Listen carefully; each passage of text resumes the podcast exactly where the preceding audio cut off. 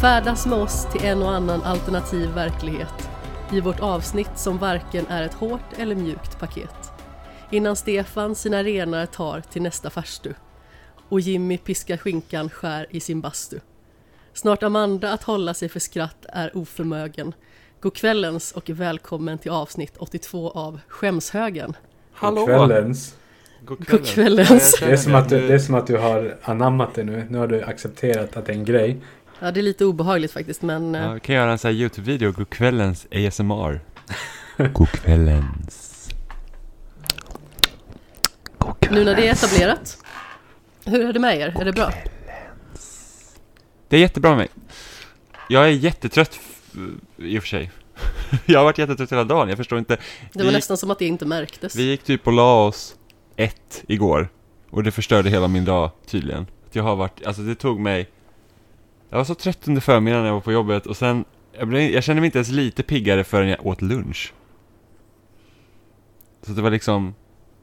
Flera timmar av bara trött. Jag tycker alltid man får den här tröttdippen efter lunch. Alltså jag äter mest sallad. Så då får man inte den tröttdippen, för det är vänlig mat. Pigg mat. Mm. Stefan äter bara ovänlig mat. Mm. Jättetrött och taskig mat. Den försöker göra det illa inifrån. Mm. Är det bra med Stefan? Det är bara bra.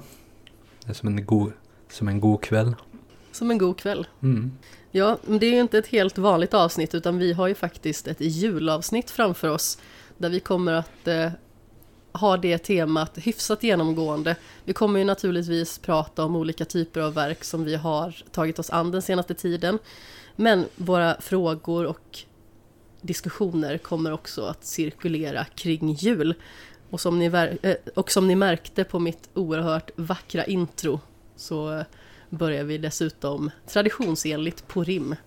Eller ja, det är en tradition nu i alla fall. Det hade varit lite jobbigt om vi hade varit krävt att vi hade rimmat genom hela avsnittet nu.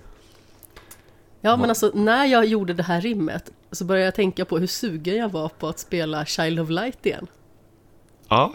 Jag tänkte bara på Banjo Kazooie, Gr- Gruntilda. Hon, hon rimmar också jämt. Min familj har aldrig hållit på med rim. Nej, inte min heller speciellt mycket. Däremot min kusin gav min moster en flaska med vatten och grön karamellfärg och skrev Nu ska du få något att dricka, jag har bevarat det länge i min ficka. Tycker jag var väldigt finurligt av typ en nioåring. Ja, visst.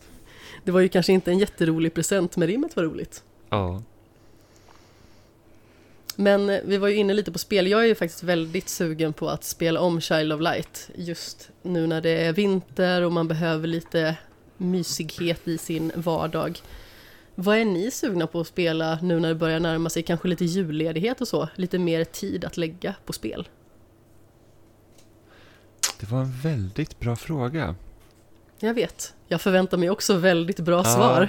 Jag känner att jag är så här spel som bara hänger med hela tiden, typ ett år nu när vi liksom har pratat så här, vad ska du spela? Ja, jag vill ju spela Yakuza Like a Dragon och jag vill spela eh, Disco Elysium. Disco Elysium. Exakt, det är de två som jag känner så här, åh, de här hade jag velat ha spelat. Men om jag måste tänka liksom mer till så här säsongen eh, och vad jag vill liksom så här, hmm, då ska jag vara sugen på ett riktigt så här, jag skulle inte vilja ha, jag känner att Yakuza är för tungt, det liksom blir för långt, tungrot spel att köra. Och jag tror att Disco Elysium är för deprimerande, så jag vill ha något glatt att kunna spela. Ehm, så att jag hade nog tänkt mig att kunna faktiskt slutföra Pokémon Diamond. Och jag då Shining Pearl. Precis. Absolut. För att det är ju ett härligt litet äventyr. Får man fånga och piska sina monster och spöa upp andras monster och fånga nya monster. Och, ja. Jimmy piskar inte enbart skinkan skär utan också sina Pokémon som han håller kär. Jäklar vad de får jobba. Eh, men jag känner att nu så här, när vi har spelat lite Pokémon idag, jag har väl klarat två gym tror jag. Så att det är väldigt mycket lättare än vad jag minns det. Och det beror mycket på att de har den här XP-share-funktionen, så att alla Pokémon levlar ju upp. Så att nu kan jag ha min typ anabola pingvin som typ mörsar allt samtidigt som de alla andra blir också så här pumpade på, på eh, jag vet inte vad man pumpar Pokémon med, men pumpar gör de. Rare Candy. Ja, fast pumpar man Pokémon med Rare Candy, då blir de inte lika bra. Anabola Men- steroider. Ja, men precis. Det finns såna här jättecoola, ja, jättecoola, det finns 3D-printade statyer av Bulbasaur, Charmander och Squirtle när de ser ut som stora bodybuilders. Jag har varit lite sugen på att klicka hem såna. Så står de i så här olika kända så här bodybuilder poses, jag tycker det är så himla roligt. Sen finns det en på Pikachu också, men den ser bara grotesk ut, så att det...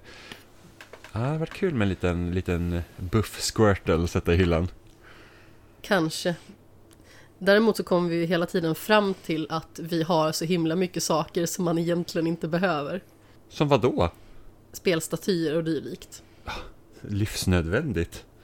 Det är dina egna ord som jag citerar nu. Nej. Det har jag aldrig sagt. Hur vågar du? Jag vågar. Måste hålla öronen för min stackars Marcus Phoenix-staty som står längst ner i hyllan. Jag är modig som står upp mot dig och dina hårda ord nu. Men det är faktiskt sant, vi har väldigt mycket spelstatyer och fler, alltså det, ofta känner man så här, oh det där vill jag ha, och sen så köper man det och så tittar man på det och så bara, ah, ja, kanske inte var det bästa köpet. Eh, Det beror på. Jag tycker typ så här, jag har ju en Mirror's Edge-staty och den, alltså, den är ju rätt så häftig egentligen, men det är bara att figurerna ser ut som skit. Den ser bra ut på håll. Ja, den, den ser bättre ut på håll i alla fall. Eh, men sen har vi typ så här, jag gillar ju väldigt mycket med Marcus Phoenix-staty. Jag gillar ju den här Nino Kuni 2 Revenant Kingdom speldosan. Ja, den är jättefin. Den är väldigt fin. En så här eh, Collector's Edition så här, staty som jag verkligen ville så jätte, jätte, jättegärna ha och inte lyckades köpa på det tillfället. Det, det var Collector's Edition på Titanfall, så fick man typ en så här asstor Titan med en liten pilot som man kunde stoppa in i den också. Och, det, och den hade lysen och hela grejen, alltså det, den var så jävla biffig. Och jag var så himla synd att jag inte kunde köpa den. Ja, Stefan. Mhm. Är det någonting som du liksom är sugen på att beta av under eventuell julledighet? Eh, ja, ja, jag har just betat av eh, både Guardians of the Galaxy och senaste tillskottet i Spiritfarer. Eh, och jag har två titlar som sitter installerade som jag är väldigt sugen på. Det är både Hades och så nya Shovel Knight Pocket Dungeon.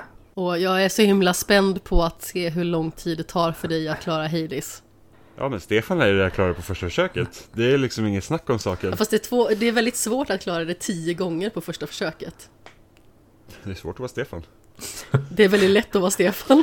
Hårt Liksom, jag, liv. jag, liksom, jag är fortfarande typ fortfarande helt in disbelief när jag hörde hur lite Stefan dog på Returnal. Och man själv var såhär, jag har dött 50 gånger, jag har inte kommit till sista bossen och Stefan bara, jag dog två. Ja, jag jag bara blir finsk. Jag Ja. dog två. Ja men det är så, du bor ganska nära finska gränsen, nästan. Eller har kanske Ja. gjort tidigare. Du bor närmare finska gränsen än vad jag gör. Nu hittar jag bara Jimmy på här. Det gör inte alls det. Vi bor långt ifrån finska gränsen. Det Det, är vi. långt ifrån mina hemtrakter, det är lite läskigt.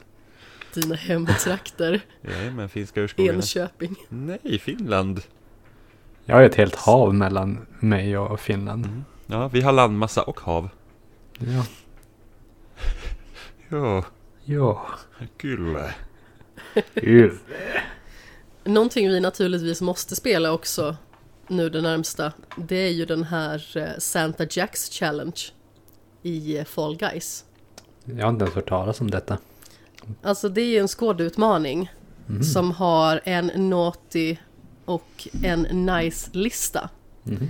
Så får man en naughty bana, då är den svårare och mer utmanande. Får man en nice bana, då är den lite snällare. Eh, och som sagt, här i vanlig ordning samlar man ju ihop olika poäng då för att man ska kunna komma högre upp på den här eh, rankningen så att man får prylar av olika slag. Det kan ju vara eh, dräkter eller eh, dylikt till sin lilla böna helt enkelt. Så den tycker jag att vi borde spela ihop. Mm. Hur länge pågår den? Jag tror att den eh, pågår i en vecka. Eller? Var det kanske bara över helgen? Jag minns inte riktigt jag just nu, men den började i alla fall idag torsdag. När Ah. vi sitter och spelar in. Så förmodligen så pågår den eh, några dagar i alla fall. Kanske man måste in och kika när vi är klara, helt enkelt. Ja, det tycker jag definitivt. Jag har börjat talla på den lite grann och har eh, kanske avverkat 500 poäng tror jag, av 1000. Börjat. Halvt färdig. Jag hade extremt hårt liv med den här Fall Guys-utmaningen när det var Horizon Zero Dawn-tema. Samla 2000 canisters var inte lätt. Jag kämpade länge och väl och var fortfarande typ 200 ifrån. Man behöver också vinna tre stycken eh, episoder. Så Det var jättesvårt. Det var ju svårt. Men jag tänker att vi ska komma in på vår diskussionsfråga för avsnittet. Precis som tidigare förtäljt så är det ju lite jultema, veckan till ära. Och då undrar jag som följer, vad med alla attiraljer och manicker som finns idag hade varit en drömjulklapp för ditt 13-åriga jag, Stefan? Mm. Jag tror den är jättelätt. Det är samma som eh, Spelsnacks 400 avsnitt. Jag hade gett mig själv eh, Marvels nya Insomniac Spiderman. Hade jag gett mig. Okej, Eh, för eh, ja, jag var, jag är en sån geek för Spooderman fortfarande. då kan jag tänka mig att du är extremt exalterad inför imorgon när du ska på bio. Eh, imorgon som är lördag. Ja, Imorgon som är lördag. Ja. Jag hade för mig att det var imorgon. Jag hade för mig att vi skulle gå samma dag. Haha, då kan vi spoila för dig Stefan. haha. Var snäll Jimmy. Jag är snäll. Sitt ner i Tänk, tänk, biostolen. tänk om filmen är så pass dålig så rädd det Stefan. Han sparar mig ett biobesök. Han bara, äh, Ja, precis. Jag kommer ändå somna så det är lugnt. Det hör ju till lite ditt varumärke. Ja, det är fan, det är fan fruktansvärt. Jag, jag förstår inte att jag blivit en sån person som somnar på bio. Alltså det var så himla roligt när vi var med Jenny och Oliver och skulle se Dune. jag höll på att somna Eh, när det- jag såg den faktiskt. Ja, men du var inte Jimmy i biostolen i alla fall. Mm. För att jag satt och kollade och var naturligtvis investerad. Och sen helt plötsligt hör jag ett ljud som är något i stil med Och jag bara så här, vad är det för monster? Jag ser ingenting. Så jag satt och liksom så här försökte kolla längs med skärmen, bara vad är det som låter? Var kommer det ifrån? Och sen bara så här, det låter inte som att det kommer ifrån själva filmen. Så jag vänder mig sakteliga om, möter Olivers blick, blick på andra sidan Jimmy. Och då är det Jimmy som sitter tillbakalutad med öppen mun och snarkar. Jag var jättetrött. Jaha. Det var samma sak när vi såg Eternals, jag hade skitsvårt att hålla mig vaken. Alltså det var helt bisarrt den här gången. Alltså att man nickar till lite, alltså det har ju även jag gjort naturligtvis. Men det var så himla roligt för att jag trodde liksom att det var typ ett monster i filmen som lät. Och så var det Jimmy som snarkade. Ja, det var intressant. Jag vill verkligen inte somna på Spiderman, jag har sett fram emot den här filmen. Ja, Jag får hoppas att det är högt tempo i den här tiden så att jag inte kan somna, eller typ att det kommer någon här skräckelement i den så att jag blir klarvaken. Du får ta med en energidryck till dig. Och så var det när jag och Robin kollade, vi kollade mycket skräckfilm när vi var yngre. Och då var det så att man, jag var ju alltid skittrött för att Robin kan inte kolla på film som en normal människa, det vill säga innan typ klockan tre på natten utan Så att, så att jag var skittrött och Robin kan inte sova om han tittar på någonting utan han ser ju klart oavsett hur trött han är och jag somnar ju såklart tills det händer något läskigt så att man klarar vaken sen hela resten av filmen. Vad skulle du ge ditt 13-åriga jag Jimmy? Jag hade ju varit stormförtjust i, ett, eh, i en spelmaskin. Så jag tänker mig så här att, vad hade, säg att jag inte hade haft någon av de nya konsolerna, mitt 13-åriga jag. Så undrar jag så här, vad hade jag sett mest fram emot, en Xbox eller en Playstation? Och jag tror ju att eftersom det är så... Eftersom det är så många som är liksom väldigt så här Playstation-fans så tror jag nog att en Playstation 5 hade varit häftigt att få i julklapp. Det hade det definitivt varit. Jag tror att då hade jag varit liksom så här, wow, vilken grej det hade varit. Vad hade det varit det första spelet du skulle spelat då? Eh, jag tror nog att mitt 13-åriga jag hade varit väldigt, väldigt mycket för Ratchet Clank.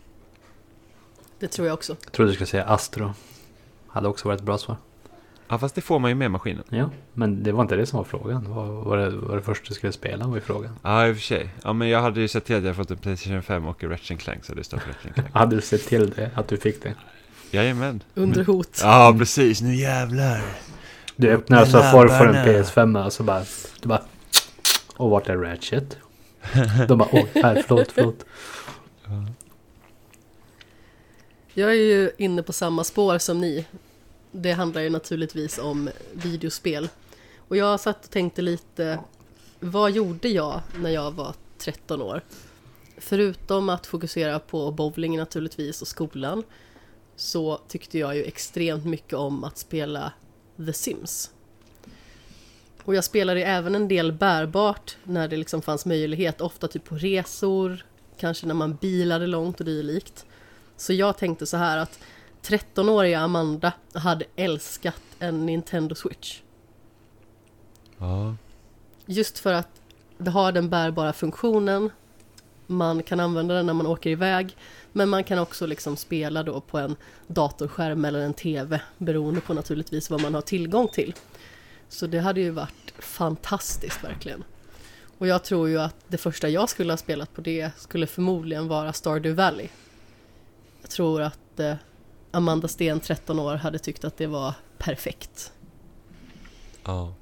En sak som jag tänker är det sjukaste liksom med de som växer upp idag med spel som vi gjorde liksom när man går så här i, ja, men i högstadiet eller slutet av mellanstadiet. Det är att det finns väldigt mycket gratisspel som är skitbra.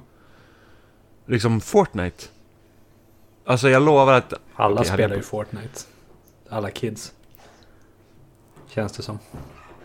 Ja, men liksom bara det att man kan spela ett spel som Fortnite utan att behöva betala någonting. Alltså det jag, de gratisspelen jag spelade när jag gick i skolan, det var liksom något man hittar på Hamsterpaj, Ja, eller typ Snake på mobilen. ja, eller Newgrounds, Snake-mobilen. Vi hade, jag hade en av Nokias första så här, mobiltelefoner med färgskärm. Alltså det låter helt sjukt att säga att vi har varit med liksom, i det skiftet när man fick färgskärm på telefonen och tyckte det var wow. Jag minns när Ehm. polyfoniska ringsignaler kom. Jag bara lyssna här.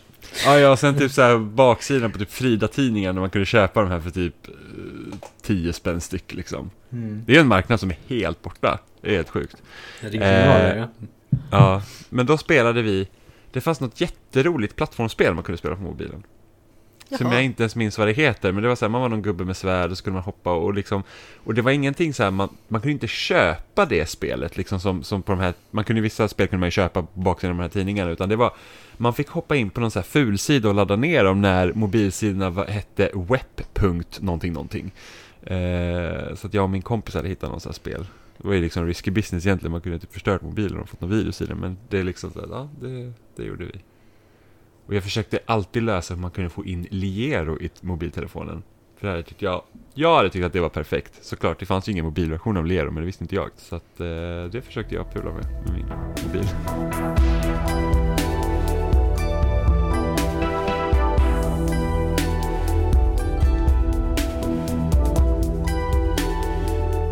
Men jag tänker att vi ska ta oss in i dagens första ämne. Där vi ska prata om ett spel som du har spelat, Stefan. Mm. Du har ju spelat ett spel som ligger mig väldigt varmt om hjärtat och det är ju Horizon Zero Dawn. Och dessutom det här extra materialet, The Frozen Wilds. Ja, Har du tagit Platinum Stefan? för länge sedan. Eh, det gjorde jag förra sommaren tror jag, 2020. Då spelade jag igenom grundspelet och tog Platinum. Eh, Jag trodde du skulle säga att du tog Platinum innan du ens hade börjat spela så kunde jag Det hade varit en väldigt Stefan sak att göra. precis, ja, det var plattat redan innan jag öppnade förpackningen Eh, och sen... Eh, eh, sen hade jag Frozen Wilds på min så här, wishlist och väntade på att det skulle bli billigt. Och sen köpte jag det och sen tog det lite tid innan jag började. Sen hann man få det gratis ändå via eh, Days of Play nu i maj tror jag det var. I år. Mm. Eh, och sen nu i höst när de släppte en eh, PS5-patch i Horizon som gav 60 bilder i sekunder bland annat. Då tänkte jag att nej, nu hoppar vi in. Så började jag med Frozen Wilds och så köpte jag igenom allting. Vad tycker du om det då? Ja, det, jag tycker det var en eh, ganska bra avstickare faktiskt. De eh, har nästan ingenting av det jag tycker är sämst med hela Horizon och det är mänskliga fiender. Tycker jag är det absolut tråkigaste som finns i hela spelet. Eh, det var mycket bara eh, robotar och kötta. Det var, det var skönt att det inte var jättelångt heller. Nu är det ganska så länge sedan som jag spelade det. Jag spelade det när det kom och recenserade det för loading. Mm. Kan du påminna lite om vad The Frozen Wilds handlar om? Eh, det är ju nå no, det är något berg som börjar ryka på ordentligt och det börjar komma ut fler och fler, fler vilda nya robotar där i, i vinterkylen. Eh, det är några björnar och några, de heter scorchers tror jag, eldskjutande saker. Så försöker man, ja hur går det egentligen? Det är,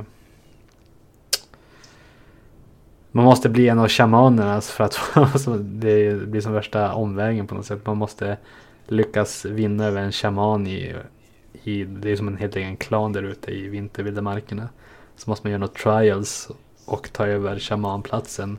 För då kan man beordra folket att gå på en raid mot det här berget. För folk har dött och försvunnit där borta så man är på väg in dit och, och tar reda på sanningen vad det är. Det är något infekterat datavirus där i berget. Lite på samma sätt som det är i, i grundstoryn. Eh, om ni kommer ihåg att det var Hades som låste ut Gaia tror jag han hette i grundstoryn. Ja men precis. Det var lite åt Det samma... är ju liksom eh, väldigt mycket mystik och eh, illasinnade datasystem. Ja, och det var lite samma i, i DLC nu. Det var ett annat virus i berget där. För det var från annan slags robotproduktion där uppe i... De säger att det är som samma som ligger bakom, som var bakom Heidi som höll på med det där datasystemet. Det är en rörig story egentligen att gå in på detaljer. Men i det stora hela är det väl datavirus som tar över roboten som ska vara goda så blir de onda egentligen. Och det var med det där med berget som gjorde att de kunde ha typ en oändlig... Det var som att varit som en robotfabrik. I slutändan. Så man försökte stoppa. Och ta bort det där viruset såklart. Och du har naturligtvis 100% att det här också. Oh ja, jag tog allting i Frozen Wilds. Och sen när jag hade gjort det då märkte jag att jag hade typ så här 90 någonting procent avklarat. Och då såg jag att man var tvungen att klara av grundspelet New Game Plus och klara ut det på New Game Plus på det svåraste som är Ultra Hard tror jag det heter. Och då tänkte jag, ja vad fan, jag behöver en liten eh, uppfriskare inför nästa spel. Så då körde jag igenom hela grundspelet på svåraste. En sväng till. Ja, just, det- just det, det här man bara bara, ah, varför inte köra om med typ 30 timmars spel på svåraste? Ett spel som faktiskt redan är ganska svårt. Ja, det är faktiskt rätt svårt. Men det, det, jag tror inte, det kändes inte som att det var så jättelångt när man redan fick vara på level 50 på en gång. Ha alla vapen och nu köttade jag bara main missions. Jag gjorde inga avstickare på, på något sätt överhuvudtaget. Nej, jag tror att bara huvudberättelsen är 20 någonting timmar. Jag tror jag gick kring 15, tror jag. Den genomspelningen gick på. Jag verkligen sp- speedrunnade igenom typ. Ja, speedrunner på 15 timmar. Oh, oh ja. Stefan red runt på sin renrobot. Ja, Horizon Norrland Edition. Perfekt. för det finns för lite spel som utspelar sig i, i Skandinavien. Ja. Så bara, till och med Assassin's Creed, bara yes, vikingar, nej vi sätter det i Storbritannien, för why, why the fuck not? liksom man bara, hallå! Det är skittråkigt! Jag tycker att det finns en viss charm när man känner igen sig lite i spel. Det finns Det behöver ju naturligtvis inte vara alla, men eh, jag tyckte liksom just den här hemkärheten, eller man ska säga, som man upplevde i Unravel till exempel. Jag tänkte just nämna Unravel faktiskt. För jag spelade och så det kändes så mysigt och hemtrevligt. Sen läste jag om eh, spelstudion. Den den är ju Umeå-baserad dessutom. Som gjort Ja, Unravel. precis, Coldwood. Ja. Och de sa att de är inspirerade av eh, naturen här runt omkring. Och så kan man hitta, hitta fotografier och sånt i ett fotoalbum som finns inne i Unravel-spelet. Så när jag gräver runt bland de där fotona då, då hittar jag en bild av eh, de här vid en eh, eh, bilder på ett tåg vid en tågstation eh, på ett ställe som heter Hällnäs. Du bara, det är mitt tåg. Det, det är inte bara mitt tåg, det är jag på tåget. Seriöst? Ja. Vad roligt. Ja, Gud. rolig slump. Ja men verkligen. Så det är nu du bara kontaktar Coldwood och bara, var är mina royalties? Precis. Jag är snubben på bilden. Ja, Det är mitt tåg. ja fantastiskt. Vilken underbar berättelse. Ja. Men jag hade liksom inte typ haft något emot om man hade fått typ så här, ja men ett litet minirollspel i form av typ eh, Child of Light. Med, eh, som baseras på Elsa, Be- Elsa Beskows eh, illustrationer. Ja, men också precis som du säger minirollspel. För att om vi tar Child of Light som då klassas som ett RPG-light, brukar man väl säga. Så är det ganska så perfekt i längd. Det är tillräckligt långt för att man verkligen ska känna att man är ute på ett äventyr. Men det är tillräckligt kort för att det ändå ska kännas väldigt överkomligt och eh, inte överväldigande. Ja. Nej, det finns nog inget värre jag tycker när man vet att man startar ett, ett spel som man vet att det här kommer vara långt och så känns det lite tungrott i början. Persona 5, jag tittar på dig. Ja, fast Persona 5 var jag helt fast i. Det var också en perfekt ursäkt till att inte sitta och skriva på C-uppsatsen. Ja, nej, jag hade ju lite svårt att eh, fokusera där på ett så stort spel. För det var ju precis när jag skulle läsa en massiv kriminologibok med väldigt mycket torra termer och grejer. Så det var mycket inlärning. Så då behövde man kanske någonting som var lite mer bara rätt fram. Amanda gick. Amanda gick in på sina typ tre månaders långa mellanspelsrunda. Ursäkta mig, vad menar du med detta påhopp? Det var alltid så här, ah, men vi ska ha ett litet mellanspel. Och sen så bara, ah, men nu börjar de med sitt mellanspel. Och sen så kom nästa spel som var mellanspel till det mellanspelet. Och sen så kom nästa mellanspel som var mellanspel till det mellanspelet som var ett mellanspel till det mellanspelet hon hade innan hon hade spelat ett annat spel. Mina mellanspel har mellanspel. Mm. Eller det min favorit också den här när vi ska spela tillsammans? Så bara, ah, kan vi inte värma upp med Fall Guys? Och man bara, okej, Fall Guys it is resten av kvällen. Det stämmer inte. 100%. Nej. Det stämmer inte alls. Det är jätteskönt att värma upp med Fall Guys. Jag, jag värmer inte upp med andra spel, utan jag spelar det jag vill spela för att annars vet man att man fastnar vid det spelet man ska värma upp vid. Som vi brukar göra med Fall Guys. Då spelar man kanske så här två, två och en halv timme Fall Guys och sen får man kanske 30 Nej. minuter av det spelet vi skulle spela. Nu överdriver du Nej, ju inte brutalt alls. mycket. Inte, alltså, det finns ingen brutalitet i min överdrift. Det finns alltid brutalitet i din Det är överdrift. så det går till. Jag vet nog när man hör det här, ska vi inte värma upp med och man bara okej, nu är det här spelet vi får spela. Ja, men ibland så kan det vara väldigt skönt att bara kanske spela en, två runder Fall Guys. Så man liksom är igång i koordinationssystemet och lite sådär. Igång i hjärnan. En, två runder inom situationstecken. Det är inte alls inom citationstecken. Stenhårt. Ja, På grund av att Amanda heter Sten. och är hård. Nej Jimmy. Amanda är hård. Jag trodde faktiskt du skulle säga att Amanda är hårig. Det är jag faktiskt också på huvudet. Hård och hårig, hård och hårig. Nej, Stefan. Amanda sticker fram, Amanda sticker fram. Hård och hårig.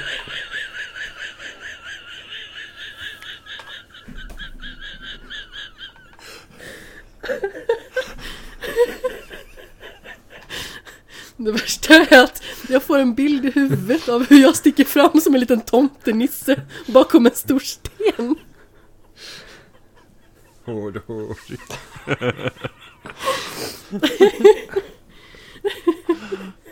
Det här är nästan i klass med rea på Harry Potter. Ja, jag tänkte säga, åh kolla dagens lucka i adventskalendern. Det är rea på Harry Potter. Ja, det var fantastiskt roligt. Jag skrattade jättehårt åt det. Jag var till och med tvungen att skicka just den länken på avsnittet och säga lyssna från det här klockslaget för att hon älskar Harry Potter och hon tyckte att det var så himla roligt. Eh, nej men Jimmy, du har ju inte spelat The Frozen Wilds, Nej. men du vill göra det. Ja. Nu är ett bra tillfälle. Ja men precis, ambitionen kanske att eh, ta både grundspelet igen och eh, DLC då. Ja, jo men så blir det. Jag har, jag har ju lovat att vi ska spela om Horizon innan Horizon. Så att... Eh, Speciellt nu när det, att eh, det kom den här 60 bilder i sekunden patchen. Tyckte jag gjorde mycket. ja, Jag men det kan jag tänka mig. Jag tycker det är det som har, har definat den här Next Gen för mig hittills. Bilder, eh, spel går i 60 bilder i sekunden. Och det är jättekorta laddtider. Det, det, är, de, det är knappt att jag Ja. begär mer. Jag undrar om vi kommer komma till en punkt där spel inte kommer gå i 60 längre.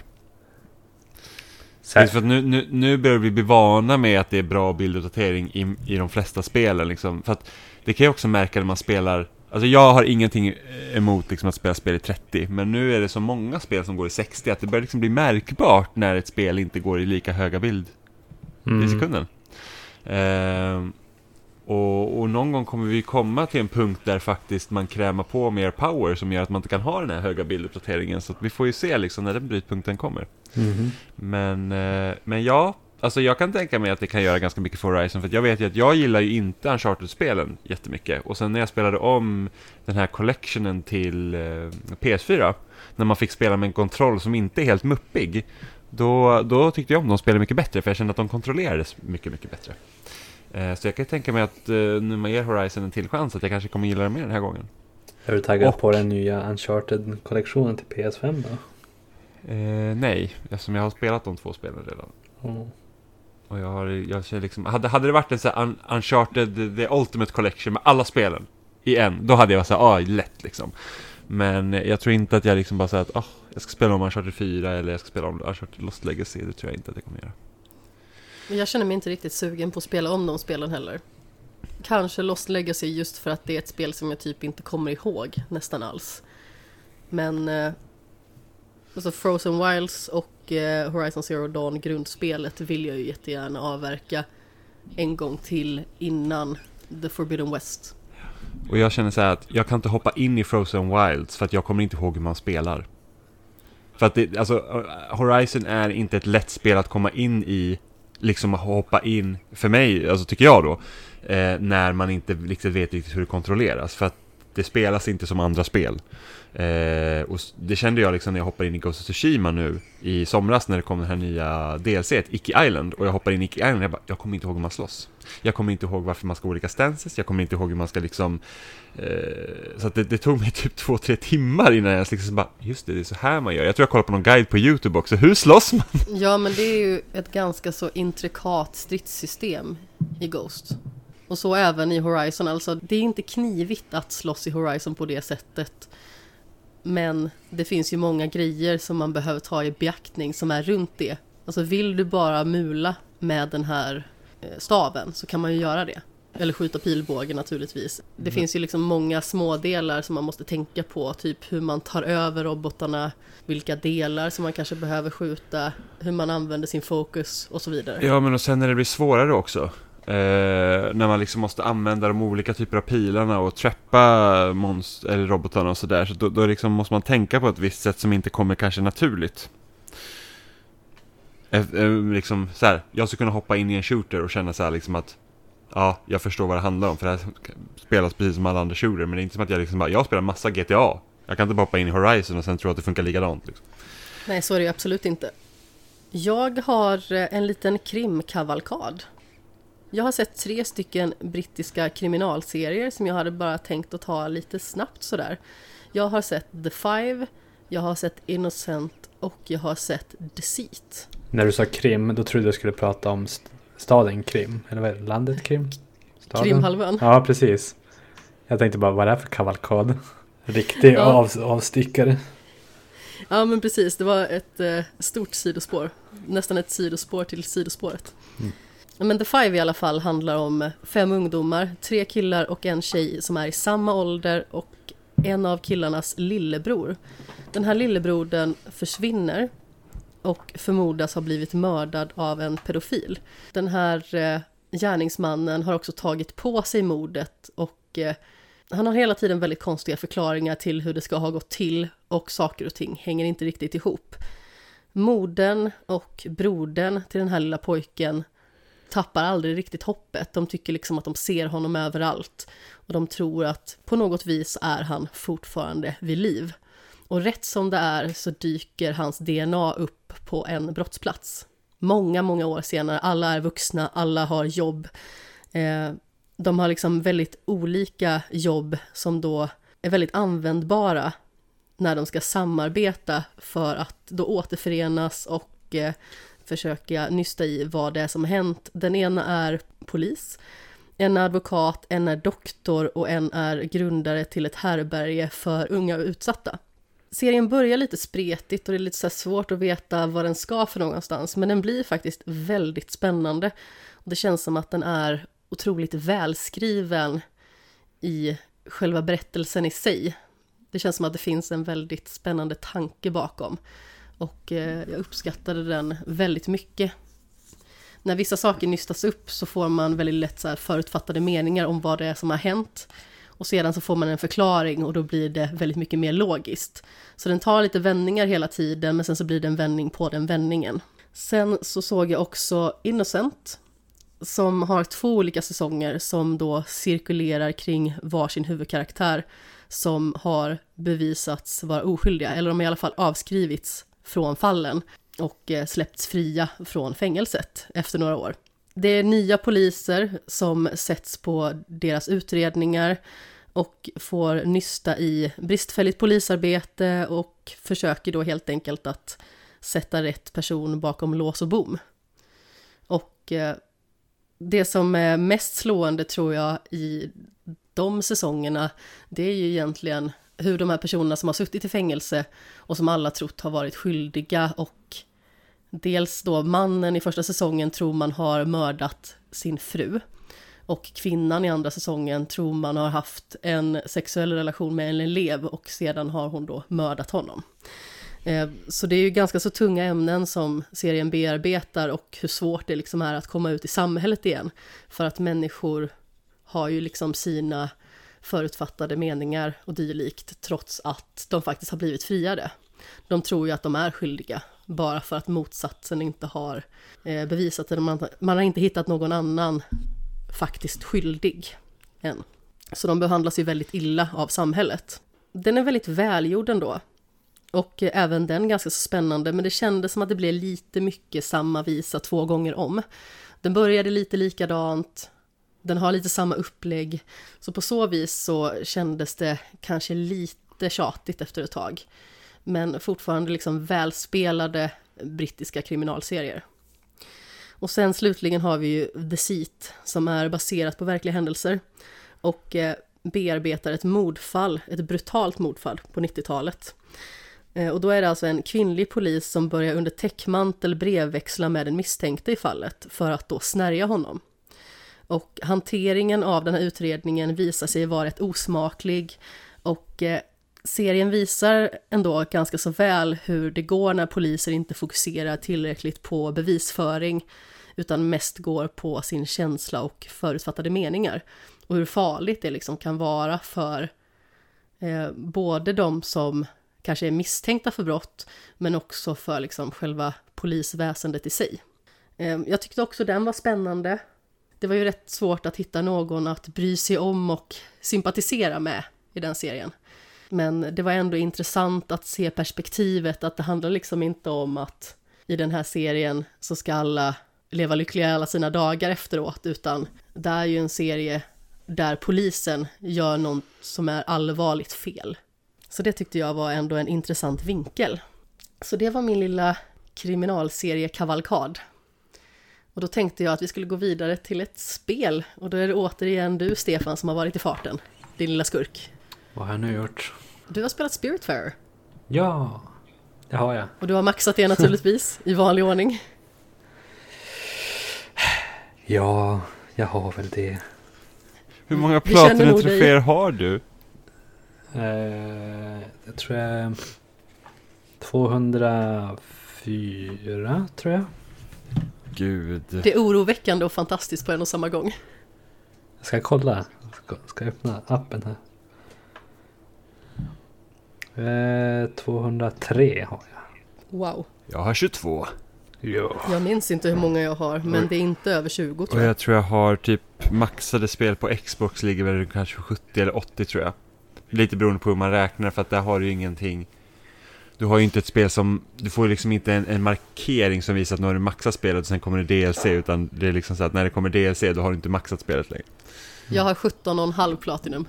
17,5? Ja, men alltså jag har ju en liten sorglig trofé kvar på Fall Guys och jag kommer förmodligen aldrig få den, så jag får räkna den som en liten halva, för jag har spelat Fall Guys så himla mycket. Självklart kommer du få den trofén. om tio år. Nej, men jag tror att nästa gång, eh, om den här Golden Goal kommer tillbaka och vi är fyra stycken, då tror jag att vi kan ta den ganska lätt. Jag tror nog snarare det som vi försökte göra, eh, du och jag och Stefan och även eh, du och jag och Filip. Den här häromdagen när det var finalrundor bara, för att då kan man ju vara tre stycken som bara äcklar sig mot de andra två. Och sen så kan jag bara springa runt och laja tills finalen. Ja, alltså kommer den tillbaka igen och vi lyckas vara fyra stycken så borde vi kunna också ro hem den. Ja. Men hur som haver, Spiritfarer Stefan, Ja, vad tycker du om det? Jag tycker det är hemskt trevligt. Eh, jag har ju varken dykt in i Animal Crossing eller Stardew Valley eller något liknande spel på en herrans massa år.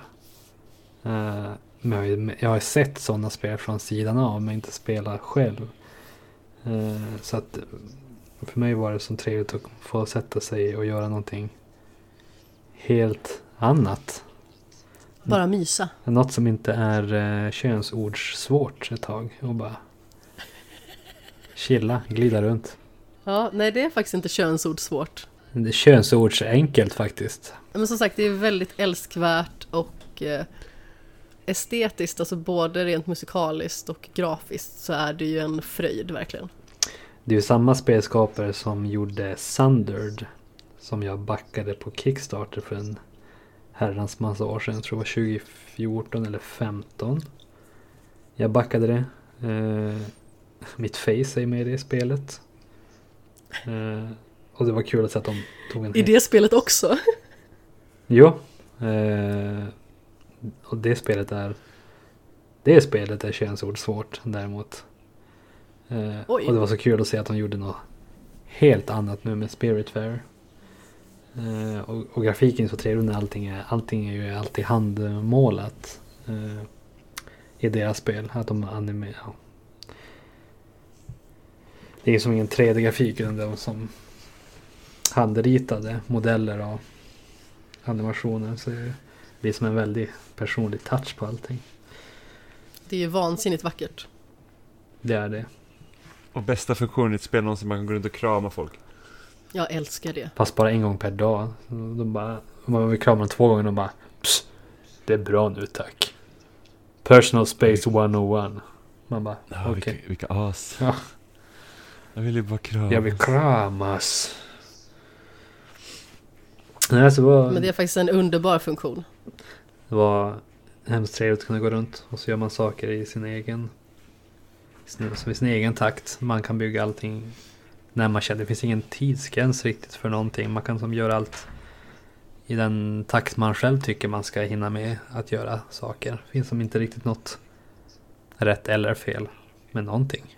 Utan man, man får sin egen, egen eh, upplevelse. Och så alla, alla själar man bär med sig har ju som en egen historia också. Som man får upptäcka själv. Och alla har sina olika problem och diagnoser. Och det är som ett väldigt fint Ja, spel precis. också i samma veva. Ja, men alltså för att vara ett väldigt så här gulligt och mysigt spel så bär det ju ändå på ett väldigt tungt ämne. Det handlar ju om att man ska få de här själarna att kunna vandra vidare. Så det är ju liksom väldigt emotionellt också. Både jag och Jimmy hade ju med det på våra topplistor förra året för att vi följer pladask. De tar ju Jag upp gillar det verkligen jättemycket. De tar ju upp saker också folk som har psykiska sjukdomar också. Det tycker jag är eh, också en bra grej att de tar upp. Och får man lite mer inblick över hur, hur av ja, en hel uppsjö av olika slags personligheter det finns i världen. Och ja, vissa av de själar man har på båten som man pratar med då. Vissa av dem har jag känt att jag känner igen personligheten i folk jag har träffat i mitt liv. Och med vissa personer kan man också relatera på vissa plan. Inte lika all in som de har ju byggt att en personlighet är jättemycket en grej. Men ja, det var en salig blandning av folk och eh, upplevelser och känslor. Ja men verkligen. Nej, så att jag spelade nu. Eh, jag körde klart det för någon månad sedan. Och nu i på Lucia släppte de en, en jag tror det deras, var deras sista patch någonsin. Jag tror de kallar för Farewell Update. Och då var det, kom det in två nya själar eh, som man ska rå för och lära känna. Och det är ganska ma alltså det måste ju ändå vara en ganska matig uppdatering för jag kommer ihåg en själ tog det ändå lite tid att få iväg. Ja, alla har ju som sin egen lilla uppdragskedja på något, på något sätt. Men det på... Eh, jag gjorde det här på min sparfil som jag redan hade gjort allting på. Och, och på då... Jag kan känna att, att eh, få göra dem först efter man gjort allt annat tycker jag inte riktigt var lika roligt som när jag hade spelat grundspelet. För då kunde man... Var det en massa interactions på båten mellan alla andra som också bodde där. Och nu när jag hade spelat klart allting, då var det liksom bara den på båten. Alla andra hade ju redan vandrat vidare. Så att jag hade nog uppskattat eh, den här uppdateringen om jag hade börjat spela nu, så att säga. Att de där två dyker in naturligt i, i storyn medan man går. Mm. Vad säger vi? Ska vi gå vidare till avsnittets lista? Ja.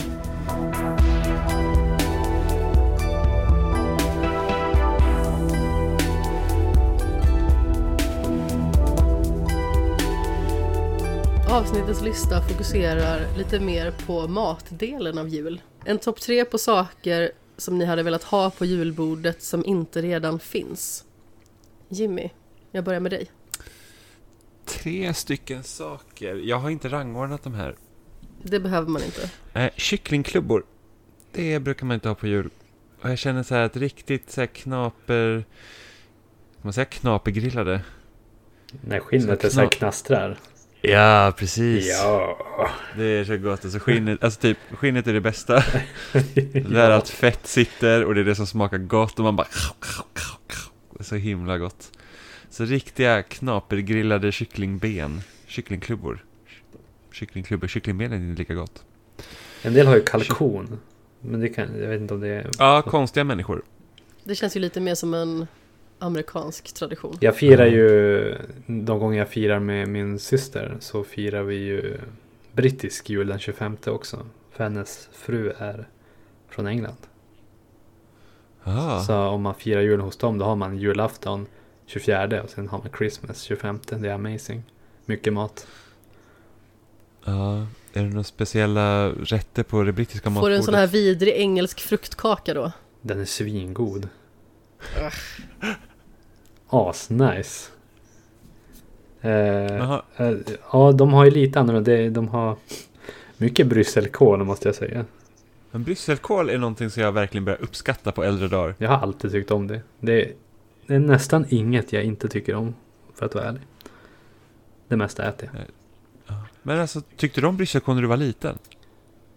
Jag tror inte jag åt så mycket när jag var liten. Jag har inget minne av att jag äter det så mycket. Men jag har aldrig... Jag har inget minne av att jag hatat det. Ja, okej. Jag kommer ihåg att jag tyckte det var hemskt när jag var liten. Alltså jag är ju kapten kräsen va? Jag är ju smått hopplös. Så jag är ju verkligen smått hatisk mot väldigt mycket på julbordet. Mm. Men Jimmy, fortsätt. Ja... Jag försöker tänka lite här, vad mer ska jag... Jag vet, jag vet, jag vet, jag vet. Det här är lite konstigt kanske, men det hade varit väldigt gott med en julpizza. En julpizza? Jajamän, lite skinka, lite korv, lite köttbullar. Det finns ju pizza. pizzerior. Jag ser på eh, annonser på typ Facebook. De säljer julbordspizzan. Det Men låter ju fantastiskt. det ser ut som en vanlig. Jag tror jag, grunden är väl en Vesuvio gissar jag. Det är väl det som är den mest basic pizzan som finns. Eh, och sen på har de skinka, korv och så, så har han så här. Du vet som de brukar göra en stor cirkel typ med en virvel av en spiral av Ja. typ kebabsås. Fast då har han gjort så fast med senap. Och, Ah, Den ser- den helt den ser sjukt god ut. Ja, gud, det bara... Mm. Fast jag vet inte, det kanske blir samma fenomen som eh, i Skellefteå har de en, en kalskrove på en pizzeria. Aha. Och det, Ett skrovmål på? det, det är en, en, en, en eh, calzone med ett inbakat skråmål i. Har Hamburgare. du provat? Ja, det har jag provat. Det, det är inte lika amazing som det låter. Men det, är som, det känns som att det är nästan för mycket av det goda på något sätt. Nej, jag är ledsen Stefan, men det låter inte alls amazing. Skråmål är gott, pizza är gott. Superobehagligt. Ja, gott plus gott är gott. Gott plus gott är inte Det är alltid gott, det är lika gott, med gott. Ja, gott, gott, gott, gott. Den smörreklamen kommer man ihåg. Är inte från typ 90-talet? Ja, ja, gud ja. Stenhårt 90-tal. De här två gubbarna. Och det, jag tror det var för något smör va? Ja, det var det. Bregott Ja, tror jag. Ja, så gott, gott, gott, gott. Det är någon annan reklam jag aldrig kommer glömma. Det är från så här någon Felix eh, pajer eller någonting. Och så är de på någon husvagnssemester och så är det några utlänningar där. Så bjuder de på paj. Och så gör de någon min typ. Och de bara på svengelska. You don't like it? It's skinka and bladspenat. Jag har fan något vagt minne av den här reklamen alltså. Den kommer jag aldrig glömma. Och så har jag en risen-reklam. Eh, alla, alla risen-reklamer är alltid så jättedubbade också. Ja, Eh, och så här kommer en, en unge in eh, till typ vardagsrummet när hans pappa sitter och läser tidningen. Så kommer han och sätter sig bredvid och han bara Hade jag kunnat få sporten tack? Och pappa bara Ja, visst. Jag antar att du vill ha en av mina risen också. Och han bara Det är klart. Usch. ja just det. Ja. Jag minns den här Estrella-reklamen med den här galningen i röd eh, jumpsuit. Nej. Nej, det var, det var typ, det måste ha varit typ 98 någonting sånt. Han hade typ så här, hans hår var typ, det såg ut som att han liksom exploderat i huvudet och så hade han en röd jumpsuit och sen så liksom, han var ju bara knäpp liksom. Det var ju bara massa ljud han gjorde och så typ sprang efter någon bil med de jävla chipsen och grejer. Så det låter som de flesta reklamer. Folk är knäppa och bara springer runt. Ja, och det, och sen så kom 90-talet jag- var en sån magisk ålder av reklam på tv. Ja, var, var inte OLV-reklamen så här när, när, när de, det satt någon så här riktigt så här typ tönt liksom och så hade han alla liksom tjejer hemma hos sig för han Ja, hade ja, liksom ja, chipsen ja, ja. Och, så bara, och så ringer de alla till honom och så bara "Vad Fan vad är det de säger? Så bara, var är brudarna? Ja, Vart är brudarna? De sitter och festar alla hanks. ja precis. Sitter nörden där hemma med chips och brudar. och, och, all, och alla tjejer Ja. runt omkring sig. Ja. Väldigt märklig reklam. 100% Kontentan är att korrekt du vill ha också. brudar på. Ja, precis. Julbordet. Nummer tre, brudar. På julbordet. Nej. Ja, precis. Nej. Ehm, sista grejen jag skulle vilja ha på julbordet. Alltså jag skulle nog vilja också att vi har en bättre pajkultur på julbordet. Alltså jag älskar paj. Alltså ostskinkpaj, västerbottenostpaj, laxpaj. Alltså paj är så jävla gott. Paj, paj. Och det är inte tillräckligt mycket paj. Vet du, i- I Finland har man mycket lådor. Så det är liksom så här morotslåda, kålrotslåda, potatislåda, leverlåda. Det är liksom så egentligen som typ... Gratänger kan man... Ja, jag vet inte riktigt. Det, det, det är liksom svårt att förklara om man inte riktigt vet vad en låda är. Men det, det är liksom... Jag vet Det- exakt vad du pratar om. Ja, ja, men jag kan tänka mig att du vet. Morotslåda är ju kanon. Alltså det, det, det måste jag ha. Jag vet inte om jag provar det, men det låter amazing.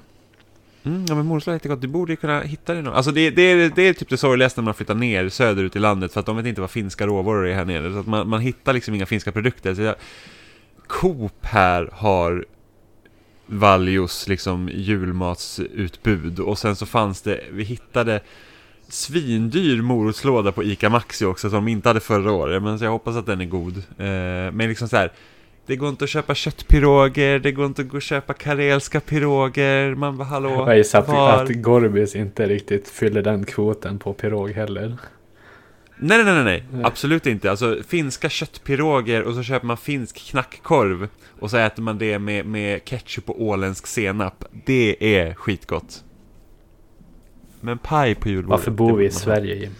Ja, jag säger det. Varför bor vi där? Finnarna hatar ju finlandssvenskar så att det är väl kanske lite därför. Gör de det? Förmodligen. Ja, vissa gör det. Alltså det, det, det var ju därför det här partiet Sannfinländarna gick så bra. För att de, de var vä- väldigt mot invandring och väldigt mot att liksom Finland ska gå mot det mer, vad ska man säga, svenska hållet. Eftersom det är ett tvåspråkigt land, Mm. svenska och finska. Men de tycker inte om Nej men finlandssvenskar. precis, svenska är ju andra språk i Finland. Ja, vi är ju inte, vi är inte riktiga finnar då så att säga. Nej men precis, det finns ju en väldigt fientlig inställning till finlandssvenskar men också i vissa fall till just svenskar. Ja, även i Sverige finns, fanns visst agg mot finlandssvenskar. Sverige har man ju även agg mot Jag har samerna. omfamnat dem. Ja, precis. Det är ju också, det är också illa. Ja. Det finns skithålor överallt. Ja. Jag tror på 70 och 80-talet så var finnar överrepresenterade i svenska fängelser. För alla hade nefen med Ja, sig. Nifen och Kosken, mycket bråk. Ja. Stefan, Mm dina tre rätter eller saker som du vill ha på julbordet som inte redan finns? Jag tycker den frågan var svår. För jag tycker det är så många har kört så olika race på deras julbord. Det är så olika i eh, familjer kör. Vad de har lite för traditioner. Vad de har slängt dit med åren. Men eh, ja, Jimmy snodde ju min pizza jag hade tänkt säga. Eh, men jag säger det ändå. Pizza. Någon slags. Pizza är aldrig fel. Nej, precis. Så att den, Det finns ett skitbra ställe i Västerås som har pizzabuffé. Alltså det är så jävla gott. Det är liksom typ, ja men det kan vara vanliga pizzor och så kan det vara American pan pizzas och liksom så kommer man dit och så kan de kanske ha fyra olika pizzor igång varje gång. Så får man liksom önska så här, men jag vill ha kebabpizza och den här ska komma upp. Så kommer, alltså man får äta hur mycket som man helst. Alltså det är så himla, au. Det finns ett sånt i, i Sundsvall. Eh, Inne i tågstationen i Sundsvall som heter Biteline. Och de har så här American Pan Pizzas buffé. Det är så här. Om det är 80 eller 90 spänn. Då får du ta del av. Äta hur mycket pizza du vill. Är the dream. Ja. verkligen. Jimmy blir alldeles salig i benen. Ah, Jo. pizza. Eh, det är svårt vad man vill hade velat, mer hade velat ha på julbord. Jag tycker den är sån bred blandning av, av, Gott. av gott och mat. Eh, eh, jag kommer bara på eh, julpalt. Där. Där har vi den. Palt. Julpalt. Har ni ätit palt? Nej. Svingott. Nej, men jag vet vad det är. Du får förklara dig. Varför vill du ha det? För att det är asgott. Uh, sällan har man sett Amanda så skeptisk. Och då är jag ändå ganska ofta skeptisk. Åh herregud. Ja. Det sjukaste var att när Amanda, jag tror det var andra gången hon var hemma hos mig Nej, Så skulle jag laga, var det andra gången eller var det första gången? det var andra gången. Det var andra gången Amanda var hemma hos mig och så skulle jag laga wok Ja. åt henne och jag var helt lyrisk över att få laga wok för jag hade inte lagat wok på jättelänge Och jag bara så ja ah, vi kan ha i det här, typ så här sockerärtor, morötter Och jag liksom skrev och frågade alltså, är det okej liksom att det här är i?